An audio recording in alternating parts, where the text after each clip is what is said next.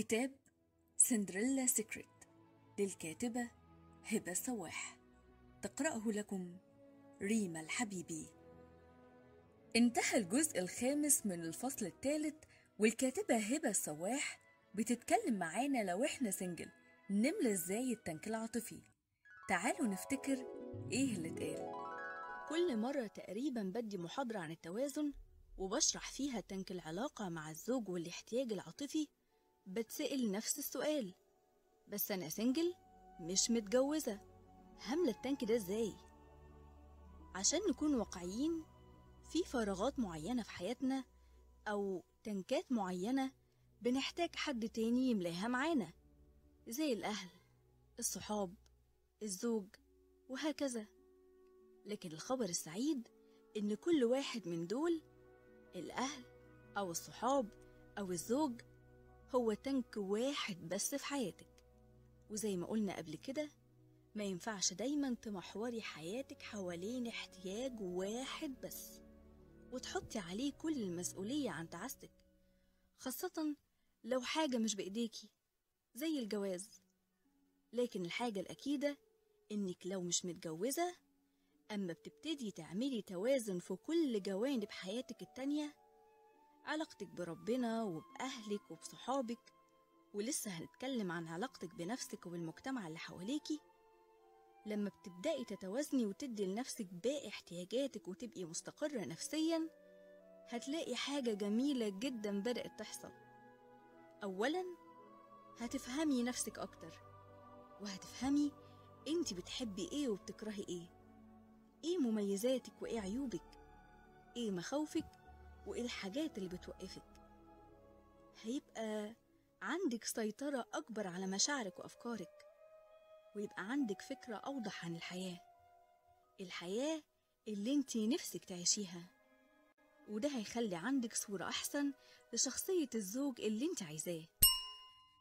ودلوقتي هنبدأ في الجزء السادس من الفصل الثالث واللي فيه الكاتبة هبة السواح هتقولك لو انت متجوزة إزاي تعيدي الاتزان مرة تانية في علاقتك بجوزك؟ لو انت متجوزة فاعرفي إن مهارات إدارة العلاقة الزوجية مش بتيجي بالسليقة كده. ده علم بيدرس وبيتعمل فيه أبحاث وكتب. فانت محتاجة إنك تتعلمي وتشجعي جوزك إن هو كمان يتعلم. ولو انت بتعاني زي ستات كتير إنك أنت وبس اللي دايما بتحاولي وبتتعلمي وهو لأ. فعايزاكي تعرفي كذا نقطة. الست بطبيعتها هي ال home improvement يعني مدير القسم تحسين وتطوير المنزل. مهما كان البيت جميل أو العلاقة الزوجية مستقرة أو الأولاد كويسين الست بتحب دايما تطور وتحسن وتجود. وتحط لمسات جمالية للبيت بالناس اللي فيه. ودي نعمة كبيرة جدا لأن الست هي الحنية والرعاية والقلب الكبير بتاع البيت. الراجل مش كده. الراجل في الأغلب مش هيركز إنه يصلح حاجة غير أما فعلا تتكسر. وممكن تتكسر وما ياخدش الموضوع بجد. دي طبيعة الراجل. ما عندوش حتة يلا نطور ونجود ونحسن العلاقات عالية زي الست. وده اللي بيخلي أكتر اللي بيحضروا الكورسات واللي بيشتروا الكتب ومريدين العيادات النفسية والكوتشنج أغلبهم ستات مش رجالة. وعشان كده توقع نفس درجة التركيز والاهتمام من الراجل زي الست ساعات كتير بيبقى خيال علمي غير واقعي.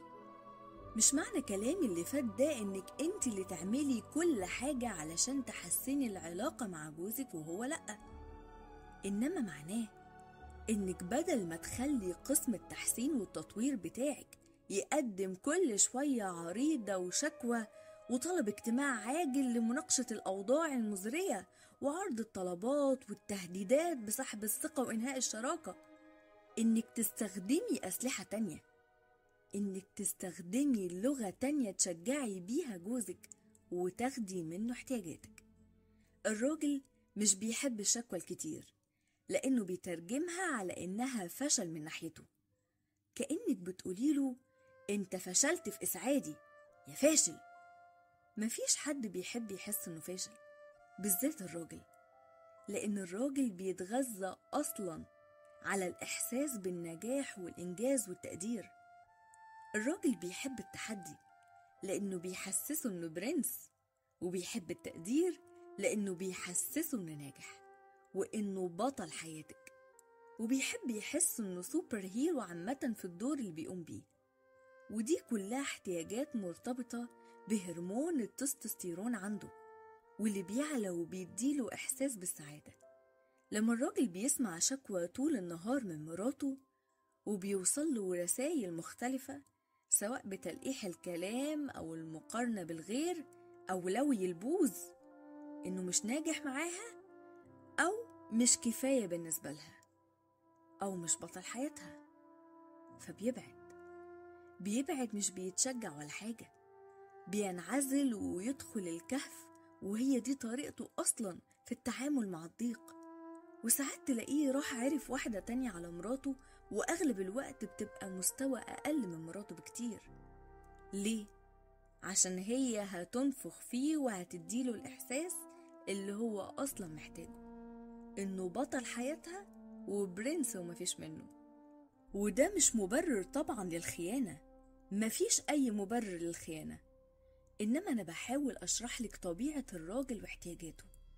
بحاول أوضح لك إنك لو حاسة إن علاقتك بجوزك فيها مشكلة حاولي قبل ما تلجئي للشكوى الكتير وتقلبيها دراما إنك تتكلمي باللغة اللي هو هيفهمها.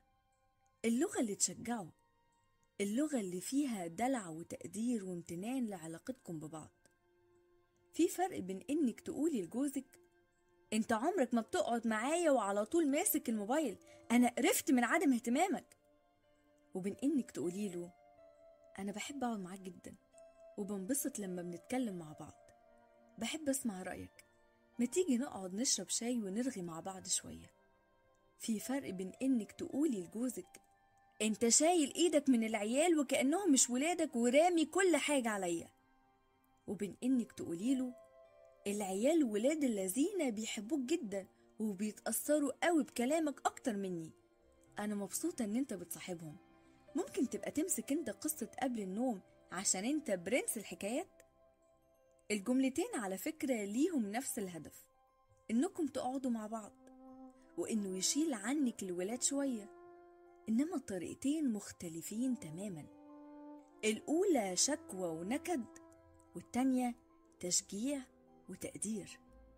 الأولى أنا مش سعيدة والتانية أنا سعيدة وهكون أسعد. ومش شرط تكوني فعلا بتحبي رأيه ولا يكون برنس الحكايات. انت بس بتقولي له كلمتين حلوين علشان تشجعيه. بتنفخي فيه شوية كده زي ما بتعملي مع ابنك أما تكوني عايزة منه حاجة. سامعاكي يلي بتقولي أنا لعبت كل الألعاب لا كده نافع ولا كده نافع. وسامعاكي يلي بتقولي وأنا مين هيشجعني؟ وسامعاكي يلي بتقولي المشكلة أكبر من كده بكتير. أنا عارفة وحاسة بيكي. في مشاكل أكبر من كده بكتير. وفي رجالة صعبة. وأكيد هيكون أحسن إن الطرفين يحاولوا يحتووا بعض ويحسنوا علاقتهم. بس أنت بتعملي اللي تقدري عليه. وأكيد إن واحد يحاول أحسن من إن الاتنين يعندوا وكتير من الأوقات بشوف إن لما واحد بس حتى يبدأ في الإصلاح عجلة العلاقة بتبدأ تلف. يعني لما يبدأ الراجل يحس بالتقدير بعد وقت بيبدأ يدي لمراته حب ودعم أكتر عشان يفضل يحس منها بنفس إحساس التقدير اللي هو بيحبه. ولما مراته بتبدأ تاخد حب ودعم أكتر بتنبسط وبتديله تقدير أكتر وهكذا. وفي الآخر أنت متجوزة بني آدم مش إنسان الغاب طويل الناب يعني أكيد مع الوقت هتلاقي أثر. ولو ما لقيتيش هتبقي على الأقل حاسة إنك عملتي أقصى ما في وسعك حتى لو قررتي إنك تنهي العلاقة كلها في الآخر. بس في نقطة مهمة اوعي تنسي نفسك في القصة دي. شجعيه ودلعيه وكل حاجة بس ما تعمليش نفسك مساحة بلاط.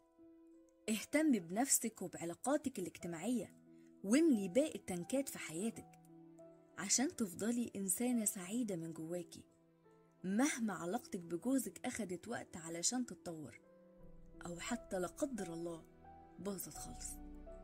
الخلاصة الكلام عن العلاقة الزوجية ده محتاج كتاب كامل لا موسوعة كاملة. وعشان تملي التانك ده صح انت محتاجة تفهمي الفرق بين احتياجات الراجل والست وتعرفي لغات الحب وفن إدارة المشاكل والعلاقة الحميمية. ويبقى عندك وعي عامة بالمواضيع المختلفة في الجواز. ومهم جدا كمان إنك تعملي وقت خاص مع جوزك مهما كنتم مشغولين. ساعة حتى في الأسبوع تخرجوا لوحدكم.